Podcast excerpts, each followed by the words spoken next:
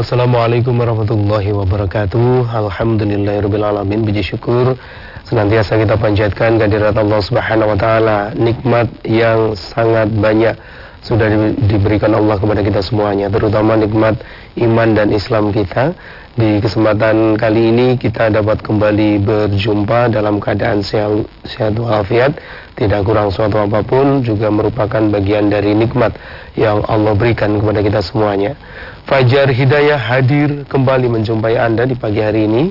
Kali ini bersama saya Ahmad Fauzan dan tentunya kita akan menyapa uh, narasumber yang nantinya akan memberikan materi sekaligus nanti juga insya Allah akan menjawab pertanyaan Anda.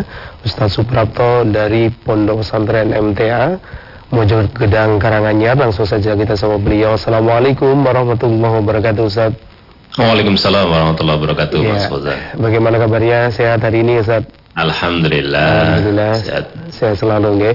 Baik, pemirsa di mana pun Anda berada seperti biasa nanti Anda bisa bergabung bersama kami di paruh kedua ya, di sesi yang kedua. Line telepon 02716793000, SMS WhatsApp di 08112553000. Baik, kita akan dengarkan terlebih dahulu uh, mukadimah yang akan disampaikan oleh Ustadz mengawali kajian kita di pagi hari ini. Tafadhol Ustadz. Baik, terima kasih. Bismillahirrahmanirrahim. Assalamualaikum warahmatullahi wabarakatuh. Alhamdulillahi rabbil alamin. Wa bihi nasta'inu ala umuri dunia wad din. Wassalatu wassalamu ala asrafil anbiya'i wal mursalin. Wa ala alihi wa ashabi ajma'in. Amma ba'd wa qala ta'ala a'udzu billahi minasyaitonir rajim. Bismillahirrahmanirrahim. Ya ayyuhallazina amanu taqullaha wal tanzur nafsum ma qaddamat lighad. wattaqullah innallaha khabirum bima ta'malun wa qala min ba'di ayatihi ya ayyuhallazina amanu atiullaha wa atiu rasula wa la tubtilu a'malakum Bapak dan Ibu yang hormati, yang berbahagia, yang dirahmati Allah Subhanahu wa taala, kita bersyukur kepada Allah di pagi hari ini kita bersua kembali di acara yang sudah rutin setiap pagi ba'da subuh. Dan di beberapa menit ke depan pada kesempatan yang baik ini izinkan kami untuk kembali mengingatkan untuk kita senantiasa wajib hukumnya pada diri kita sendiri untuk senantiasa bersyukur kepada Allah.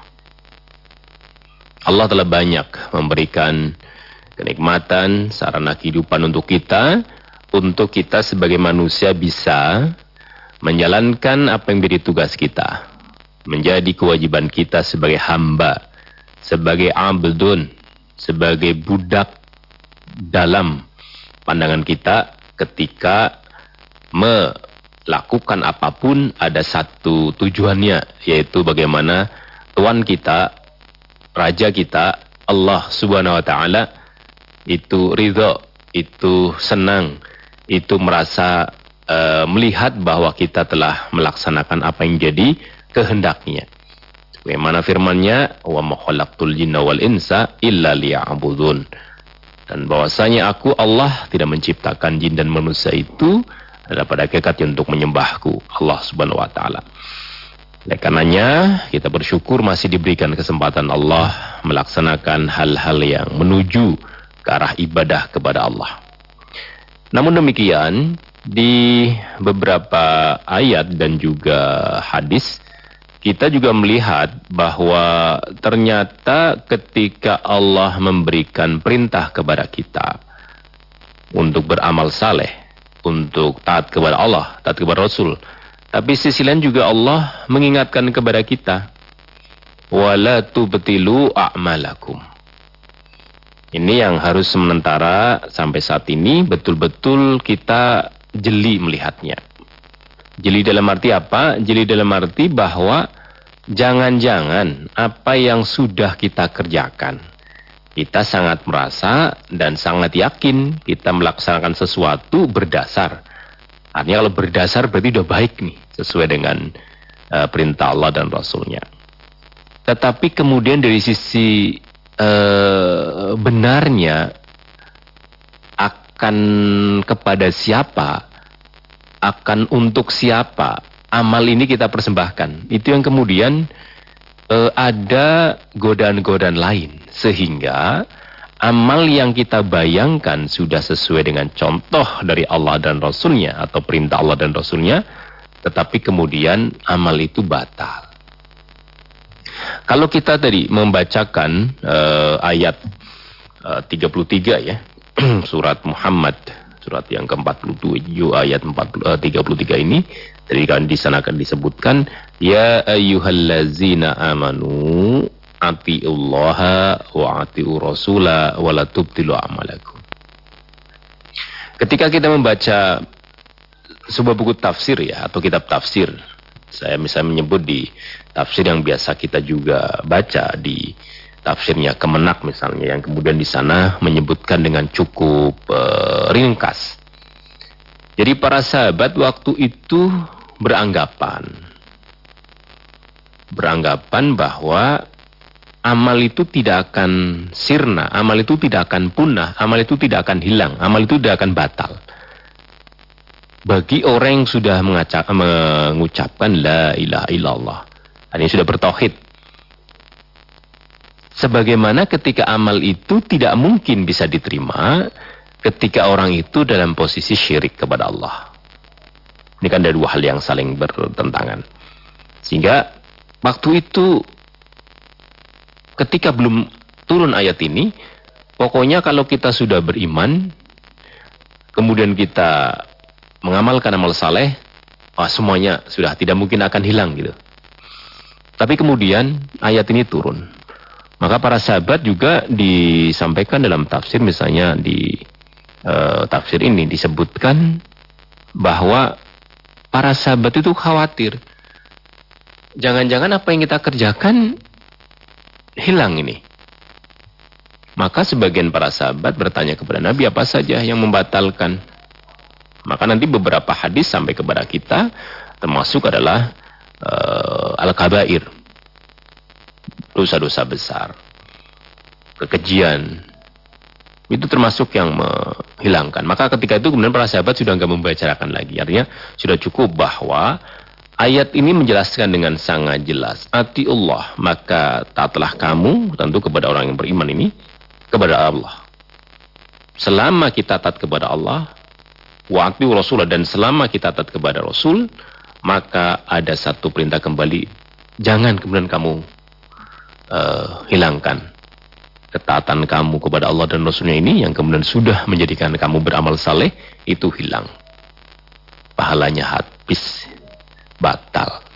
Padahal kita tadi disampaikan juga di awal kami menyampaikan kita harus melihat apa yang kita siapkan untuk hari esok. Jadi kita harus bisa pandai-pandai bekal apa yang harus kita bawa. Bukankah bekal perjalanan kita ke suatu tempat itu ketika di dunia ya dengan fisik fisik uang kah misalnya atau mungkin bahan-bahan makanan atau pakaian atau yang sekarang mungkin dalam bentuk digital ya sesuatu yang kemudian kita sudah ada transaksi di mana ketika kita di sana kebutuhan-kebutuhan dasar kita terpenuhi. Tetapi kalau kemudian kita ke akhirat apa yang menjadi uh, amal kita apa namanya bekal kita? Karena bekal kita berbeda dengan bekal ketika di dunia. Bekal kita ketika akhirat ya tentu dalam bentuk amal-amal perbuatan baik kita. Oleh karenanya beberapa e, hal yang bisa kami sampaikan di sini yang termasuk membatalkan amal adalah kesyirikan. Ya, kesyirikan. Kami misalnya di sini di apa namanya? disampaikan bahwa ketika kita berbuat syirik itu maka tidak ada artinya. Disebutkan misalnya dalam surat Al-An'am ya ayat 88 di sana disebutkan zalika hudallah yahdi bihi mayyasha'u min ibadih. Nih kemudian selanjutnya walau asyraku la habita anhum ma kanu ya'malun. Itulah petunjuk Allah yaitu Al-Qur'an yang dengannya dia memberi petunjuk kepada siapa yang dikendakinya di antara hamba-hambanya. Seandainya mereka mempersekutukan Allah, niscaya lenyaplah dari mereka amalan yang telah mereka kerjakan. Ya kesyirikan, kita mensekutukan, kita mensejajarkan tujuan amal itu dengan selain Allah, batal amal kita. Maka kita hati-hati. Mungkin kalau syirik dalam konteks yang kita orang-orang musyrik ya yang bisa menyembah selain Allah ya dalam konteks yang jelas nyata ritual memberikan sesembahan misalnya eh, persembahan misalnya dengan kita sebut misalnya eh, apa namanya makanan-makanan atau mungkin minuman atau apa saja yang kemudian kita khususkan bahwa ini untuk penjaga penjaga tempat ini, ini untuk si yang mengayomi tempat ini dan sebagainya yang sifatnya yang goib-goib mereka anggap ya. Maka mungkin itu sangat kelihatan, sangat kelihatan ya, kelihatan syiriknya. Tetapi coba bayangkan ketika syirik yang Rasulullah SAW takutkan adalah ketika syirik yang paling kecil, yaitu ria. Kita melakukan sesuatu dengan harapan ada eh, kepedulian dari manusia, ada empati dari manusia, ada rasa ingin dipuji dari manusia. Ini yang kita betul-betul harus sangat hati-hati. Untuk mengakhiri uh, sesi pertama ini, kami akan membacakan ulang bagaimana ada satu uh, hadis yang panjang yang kemudian itu menjadi betul-betul menjadi pegangan kita. Bagaimana seperti satu buah keping mata uang yang kemudian antara kita ikhlas dan tidak ikhlas antara kita betul-betul tawajuh ilallah subhanahu wa ta'ala bi uh, bil hakiki atau kemudian kita ada rasa lain untuk kita di apa diberikan penghargaan diberikan labeling oleh manusia. Harapan ini kadang tidak terasa. Ketika kita sudah monoton ketika kita sudah teramat sering dan konsisten atau istiqomah di satu jalan tertentu kadang itu membuat kita digoda setan dan mungkin kita tidak terasa. Saya bacakan e, artinya saja, karena ini panjang sekali. Jadi dari Abu Hurairah radhiyallahu anhu ia berkata, saya telah mendengar Rasulullah SAW bersabda, sesungguhnya yang pertama akan diberi keputusan pada hari kiamat ialah seorang yang mati syahid. Orang yang mati syahid akan diberi keputusan Padahal kita jelas kalau orang syahid itu fil jannah gitu ya. Di surga. Lalu ia dibawa di hadapan kepada nikmat kebaikan-kebaikan. Maka ia mengakuinya. Apakah ini uh, apa namanya? Uh, kamu telah berbuat visabila ini yang kemudian menyebabkan kamu mati, maka ini kebaikan-kebaikan kamu. Nah, dia mengakuinya tuh. Allah berfirman, apakah yang kamu lakukan padanya? Kebaikan yang dimaksud tentu ketika dia menjadi orang yang kuat, punya keterampilan berperang, misalnya kalau dalam konteks itu. Kalau dalam konteks yang sekarang berarti mereka punya kemampuan uh, badan, kemampuan pikiran, kemampuan juga kesempatan, dan juga mal, kemudian jihad visabilillah dalam dakwah ini. Dia menjawab, saya telah berjuang untukmu hingga mati syahid. Saya telah berjuang untukmu dengan mati syahid. Allah berfirman, kamu berdusta. Tetapi kamu berjuang supaya disebut sebagai pahlawan dan orang pemberani. Ini yang pertama. Yang pertama, kaitannya kita dengan tadi, kesyirikan ya. Yang kemudian syirik yang kecil, karena kesyirikan menghapuskan amal. Dan ini ada syirik yang kecil yang kemudian ternyata ada hadis sampai kepada kita, luar biasa, sangat tipis sekali antara ikhlas dan tidak ikhlas itu. Yang pertama tadi, seorang yang mati syahid yang akan memang pertama kali akan diberikan keputusannya di hadapan kepada Allah, dilihatkan ini kamu dulu begini-begini. Ya dia mengakui. Apa yang kamu kerjakan? Ya semuanya saya dengan kemampuan saya saya berjuang fisabilillah. Allah mengatakan kamu berdusta. Kamu melakukan itu semua agar kamu dikatakan sebagai pahlawan dan pemberani. Yang pertama, yang kedua, dan telah dikatakan untuk yang kedua adalah uh, yang menjawab sudah berjuang untukmu hingga mati syahid Allah berfirman kamu berusaha atau kamu berjuang disebut sebagai pahlawan dan orang dan telah dikatakan orang yang dibayang itu kemudian diperintahkan kepada malaikat lalu ia diseret pada mukanya dan dilemparkan ke dalam neraka yang kedua Seorang yang belajar ilmu, mengajarkannya dan membaca Al-Quran, lalu ia dibawa di hadapan kepada nikmat kebaikan-kebaikannya, maka ia mengakuinya. Allah berfirman, apakah yang kamu lakukan padanya? Ia menjawab, saya mempelajari ilmu dan mengajarkannya, serta membaca Al-Quran hanya untukmu. Allah berfirman, kamu berdusta. Tetapi kamu telah mempelajari ilmu supaya disebut sebagai seorang yang alim. Dan kamu membaca Al-Quran hanya untuk supaya kamu disebut sebagai orang yang pandai membaca Al-Quran.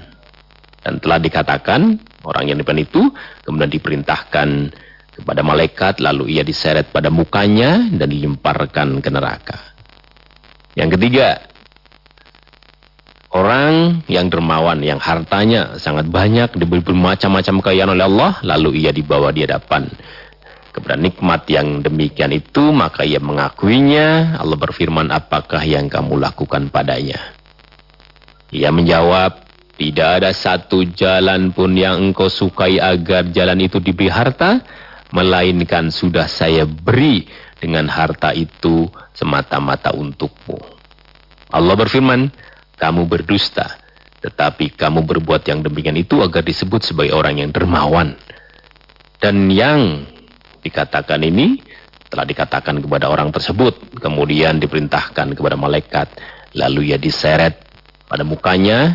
Kemudian dilemparkan ke neraka. Ini yang diluatkan oleh muslim ya. Muslim. Bapak dan ibu, saudara semuanya. Inilah yang kemudian kami sampaikan tadi. Betapa ketika kita mencoba untuk betul-betul bertakwa kepada Allah. Kita mentaati Allah dan Rasulnya. Tetapi kemudian di sisi lain Allah juga memerintahkan kita jangan sampai kamu membatalkan amal-amal kamu. Niat ketika kita akan beramal untuk siapa amalan ini? Padahal kita tadi wa ma jinna wal insa illa liya'budun itu harus menjadi pegangan kita. Hanya kepada Allah kita mengabdi, hanya kepada Allah kita beribadah. Pun ketika dalam masyarakat boleh jadi orang-orang demikian berarti orang-orang besar. Artinya kisah-kisah ini kan kisah orang besar. Bagaimana ketika dia bisa dengan tenaganya, dengan hartanya mampu jihad visabilillah. Kemudian dia mengatakan bahwa memang betul apa yang saya kerjakan. Semua hanya untukmu ya Allah. Kami berjuang untuk kamu. Tapi ternyata Allah masih memberikan satu uh, penilaian kamu berdusta kamu itu melakukan itu semua agar kamu dikatakan pahlawan, agar kamu jadi orang yang paling kuat dan punya sensitivitas yang tinggi untuk dakwah dan sebagainya. Sama dengan ketika orang yang belajar agama, mengajarkan agama, mengajar Quran, membaca Quran, semuanya untuk biar dia dikatakan orang alim. Agar dia dikatakan mampu dan pandai membaca Al-Quran, apalagi zaman-zaman sekarang. Orang-orang yang kemudian hafid-hafid atau hufat itu tantangannya menjadi luar biasa. Bagaimana Jundullah ini akan bisa digoda oleh syaitan. Maka sekaligus ini menjadi ayat yang apalagi sudah sama-sama kita dengar, sama-sama kita mendapatkan juga pencerahannya. Jangan sampai kita masuk ke ranah ria ini. Kita hanya bisa dipandang orang yang uh, membaca Qurannya bagus. Ini disebutkan langsung ya dalam dalam hadis ini. Kita juga menjadi orang yang alim karena kita belajar agama Orang akan bertanya kepada kita begitu. Ini nauzubillah kalau kemudian hati kita tidak senantiasa setiap hari terkoreksi.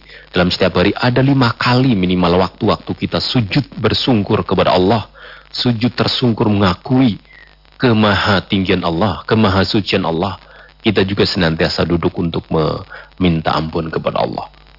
Dan yang ketiga adalah ketika kita memiliki harta yang banyak Sampai dalam bahasa ini disebutkan tidak ada jalan yang engkau sukai kemudian di dalamnya harus diberi harta, maka aku senantiasa memberikan itu. Luar biasa. Dermawannya luar biasa. Apa pun yang dibutuhkan dalam jalan dakwah ini untuk biar dakwah berjalan lancar, semuanya dipenuhi. Ini kan orang yang luar biasa. Bahkan kalau kita berpikir ini orang kaya nih sehingga tidak tidak memikirkan hartanya, dia mengeluarkan tentu tidak akan berkurang hartanya. Tidak demikian dalam pandangan agama. Mau yang tidak atau belum kaya, mau yang kaya, mau yang super kaya dan sebagainya. Ketika mengeluarkan sesuatu, itu tidak ada niatan lain selain bagaimana dia merasa dermawan, maka sebanyak apa pun atau seberapapun tidak akan dinilai oleh Allah Subhanahu wa taala. Itu semua akan dinegasikan oleh Allah besok ketika akan diberi keputusan. Maka Bapak dan Ibu, betapa kemudian kita harus betul-betul hati-hati dalam niatan ini. Kita hati-hati ketika kita sudah mengklaim kita coba taat sepenuhnya kepada Allah dengan mengikuti apa yang ada di dalam Al-Quran. Kita coba semaksimal nyatat kepada Nabi kita Muhammad SAW sebagai utusan Allah dengan mengikuti hadis-hadis yang sahih kepada kita, datang kepada kita kaul-kaul beliau, sabda-sabda beliau, pesan-pesan beliau, nasihat-nasihat beliau yang sampai kepada kita. Tetapi kemudian kalau kita tidak hati-hati, apa yang kita kerjakan karena interaksi kita kepada sesama di dalam satu uh, departemen, dalam satu lingkungan, dalam satu uh, rekan kerja dan sebagainya, dalam satu lingkungan masyarakat, kita kemudian akan mudah ingin dikatakan. Ingin dikatakan itu yang kemudian mempersekutukan Allah. Ingin dikatakan dermawan. Berarti kan kita menyekutukan bahwa Allah itu sudah jelas akan memberikan predikat-predikat kepada orang yang berjuang di jalan Allah dengan surganya. Tetapi kita hanya ingin orang itu memuji saya. Orang itu mengatakan saya pahlawan, saya itu pemberani. Orang akan mengatakan saya yang alim, saya yang pandai membaca Al-Quran. Orang mengatakan saya yang dermawan karena semua jalan-jalan visabilillah senantiasa saya hadir untuk itu. Saya berpartisipasi untuk itu. Ini yang kemudian di pagi hari ini kita mencoba mengingatkan pelajaran-pelajaran sudah sangat uh, lekat dengan kita. Tetapi kami tetap yakin bahwa peringatan itu akan bermanfaat bagi kita orang yang beriman karena di satu sisi kita sekarang berbicara di satu ruangan ini akan berbeda suasananya ketika kita ada di luar. Ketika kita keluar dari rumah, ketika kita keluar dari ruangan, ketika kita keluar dari masjid, kita keluar dari majelis, eh, langsung berhadapan dengan sesama, langsung berhadapan dengan banyak sekali godaan-godaan dari uh, yang kemudian kita bisa terjerumus kita dalam masuk uh, godaannya. Bukankah di beberapa kesempatan yang lalu Al Ustaz juga menyampaikan satu peristiwa besar di akhirat. Bagaimana kondisi orang yang muflis itu, bagaimana kondisi orang bangkrut. Ini betul-betul hal yang harus kita pegang ya. Kita pegang sebagai satu pedoman. Jangan-jangan kita diminta Allah untuk uh, melihat walung tangdur ma qaddamat lighad, tetapi kemudian kita sendiri senantiasa membatalkan. Sahabat luar biasa, beliau khawatir. Jangan-jangan amal-amal kita batal ini. Dengan apa? Nah, dengan kabair itu. Dengan hal-hal yang dosa-dosa besar ketika kita lakukan. Apalagi yang sekarang dengan kesyirikan yang tadi kami sampaikan uh, ayatnya bahwa itu akan menghapuskan amal-amal kita karena kita telah mempersekutukan, menyandingkan. Oleh karenanya, mudah-mudahan apa yang kami sampaikan di beberapa uh, pesan nasihat dari Nabi ada tiga pesan yang kami sampaikan atau tiga posisi orang yang kemudian ternyata amalannya tidak sama sekali bermanfaat. Sama sekali tidak bermanfaat. Karena ada niatan-niatan yang berbeda dari apa yang dia klaimkan. Juga apa yang tadi kami sampaikan di uh, ayat yang pertama bahwa ya ayyuhallazina amanu atiullah kita taat kepada Allah dengan mentaati apa yang ada dalam Al-Quran ini, kita mengkaji, kita mengimani, kita mengamalkan. Wa'ati Rasul dan kita mentaati Rasulullah dengan sabda-sabda yang sampai kepada kita di hadis-hadis beliau yang sahih yang sampai kepada kita. Walatubtilu amalakum. Kita juga menjaga hal-hal yang sampai menyebabkan apa yang kita kira sebagai bekal kita besok ke surga akhirat tetapi kemudian ternyata besok di mahsyar sana di hari perhitungan sana di mizan sana hal-hal yang kemudian menjadi uh, pegangan kita bahwa saya telah berbuat baik ternyata dibatalkan karena salah niat kita ini yang bisa kami sampaikan mudah-mudahan bermanfaat bagi kita semuanya Ustaz, Mukadimah sudah disampaikan. Pemirsa di mana pun Anda berada, kita jeda terlebih dahulu. Selepas pesan berikut kami akan hadir kembali dalam program Fajar Hidayah. Anda berada, terima kasih bagi Anda yang masih selalu bersama kami dalam program Fajar Hidayah untuk edisi hari ini. Kini saatnya bagi Anda untuk bisa bergabung bersama di line telepon 02716793000, SMS WhatsApp di 08112553000. Seperti yang satu ini, Ustaz langsung saja kita terima penelpon. Assalamualaikum warahmatullahi wabarakatuh. Waalaikumsalam warahmatullahi ya. wabarakatuh. Dengan siapa di mana? Ini dari Putih Wonosobo, Pak Ustaz. Ya, silakan Ibu. Iya, terima kasih. Assalamualaikum warahmatullahi wabarakatuh, Pak Ustadz Prapto. Waalaikumsalam warahmatullahi wabarakatuh, Ibu. Uh, ya, yang ini saya tanyakan begini, Pak Ustadz.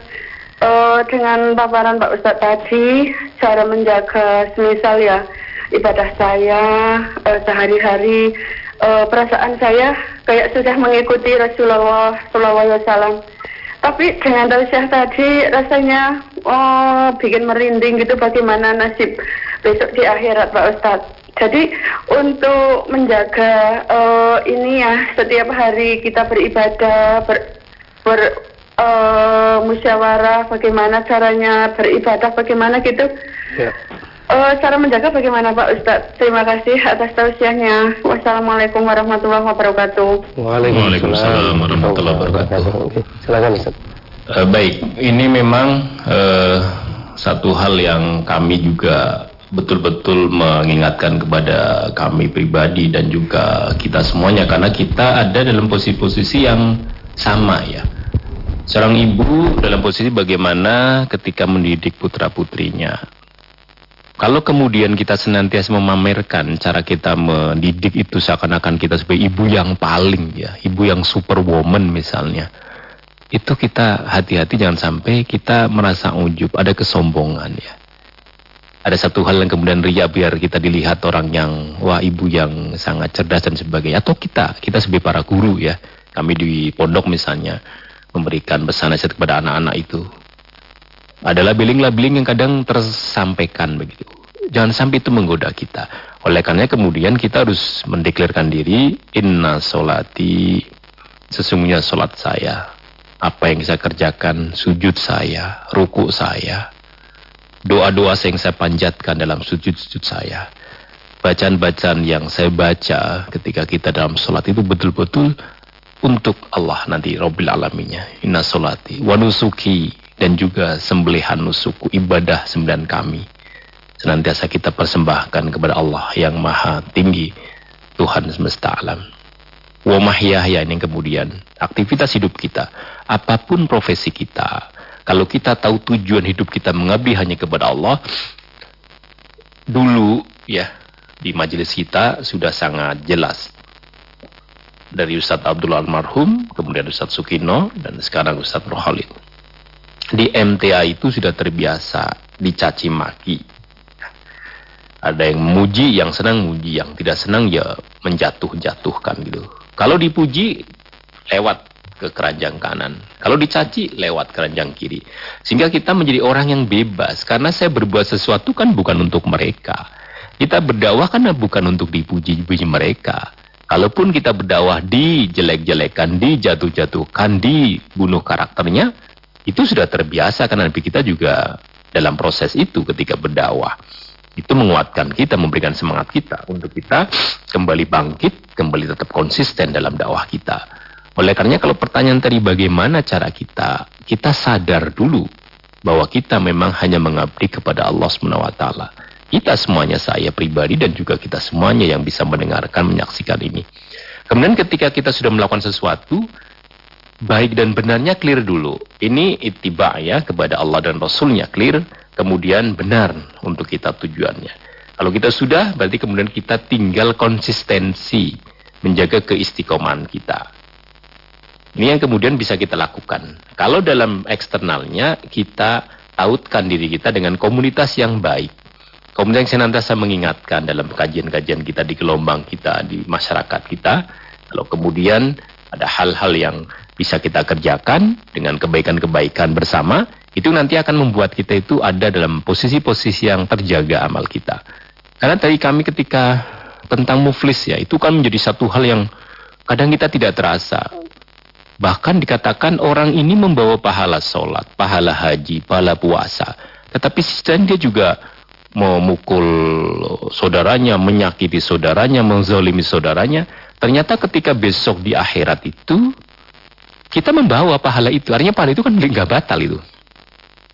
Tapi kemudian transaksi atau uh, pengadilan Allah karena Allah sangat maha adil di sana, semua manusia, semua orang yang pernah berinteraksi dengan kita, ketika mereka di dunia ini merasa dizalimi, merasa disakiti, merasa dikecewakan, merasa kemudian dirugikan, mereka berhak untuk protes kepada Allah untuk kita sebagai yang sedang di, dinilai amal-amal kita.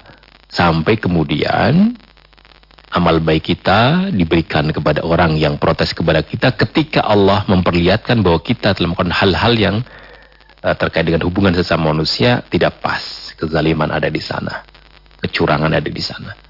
Kemudian demikian sampai kemudian pala kita amal kita habis, dosa mereka yang masih komplain-komplain itu diberikan kepada kita.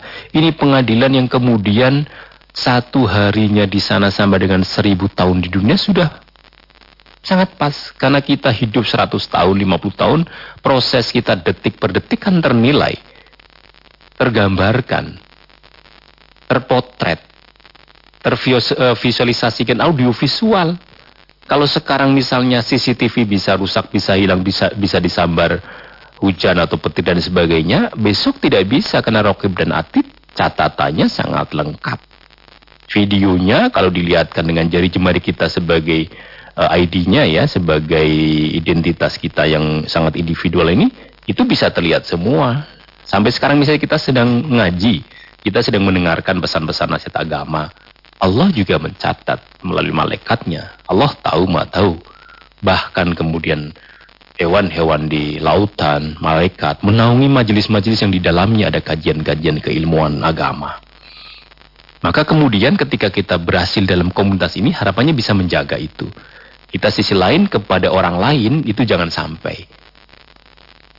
Ada hal-hal yang buruk yang kita lakukan. Bahkan ketika kita memberikan sedekah, memberikan pemberian. Tapi kemudian kita mengucapkan hal yang menyakitkan yang menerima, batal amal kita. Oleh karenanya, kita betul-betul berinvestasi di akhirat ini harus betul-betul yang bersih.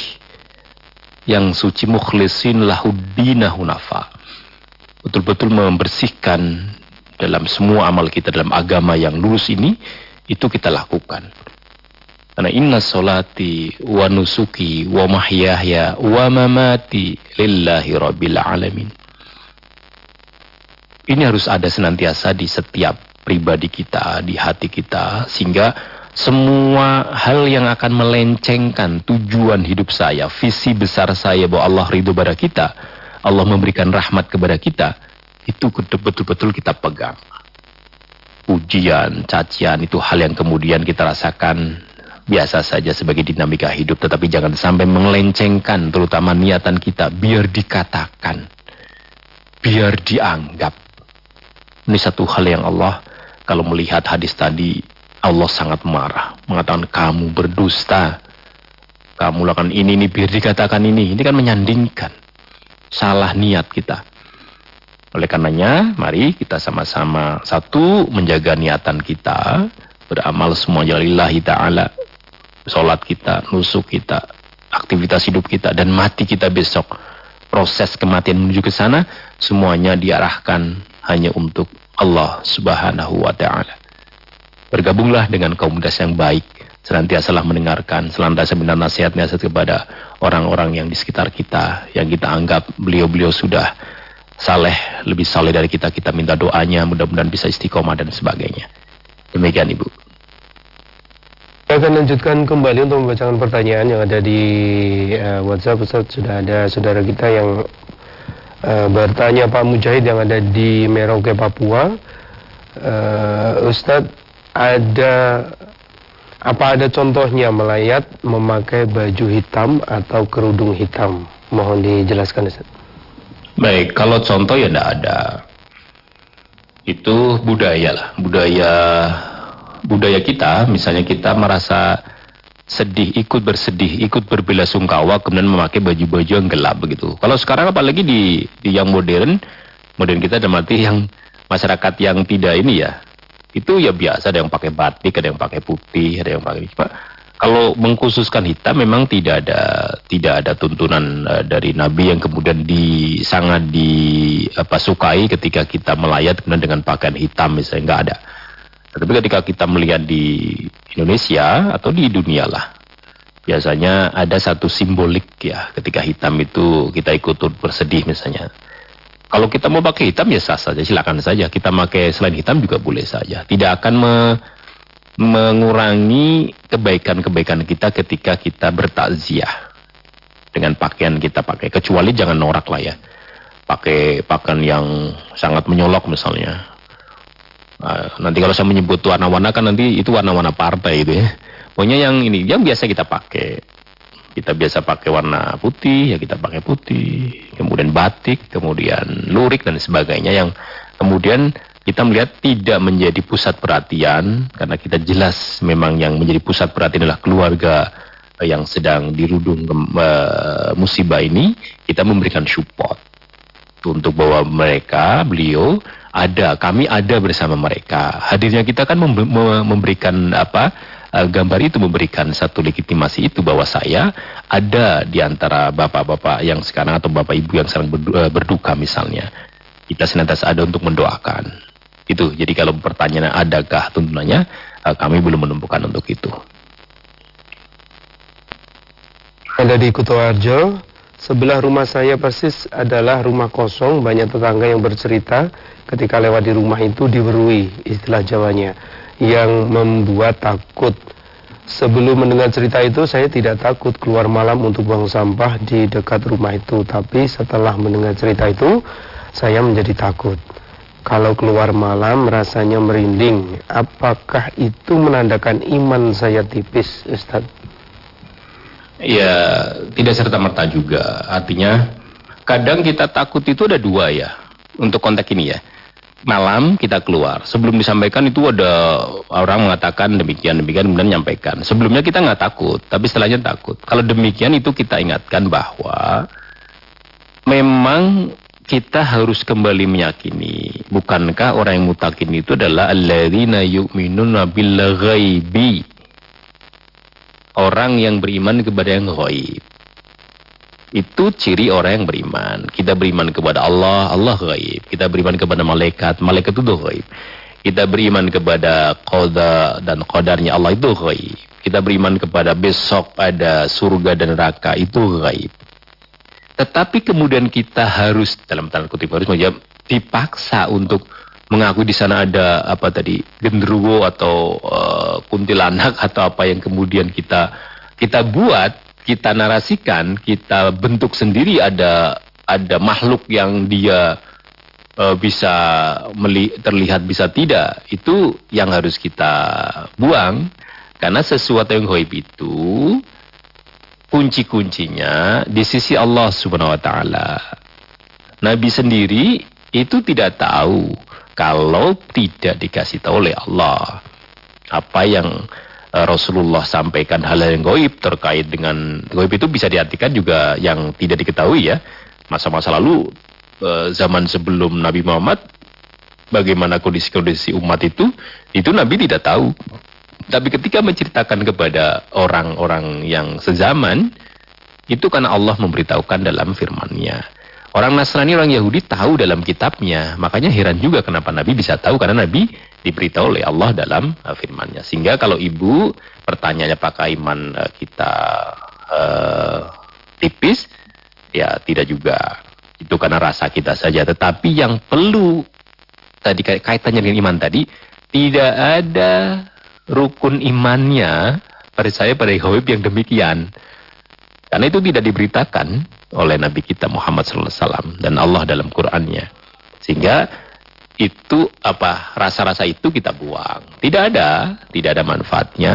dan kita bawa, kita kuatkan di sana nggak ada. Yang tadi kedua yang saya takut adalah tadi ada orang yang kemudian mereka akan mencelakai kita, melempar kita atau mungkin maling yang menusuk kemudian karena keberkok kemudian itu mungkin saja itu kan uh, sifat kemanusiaan.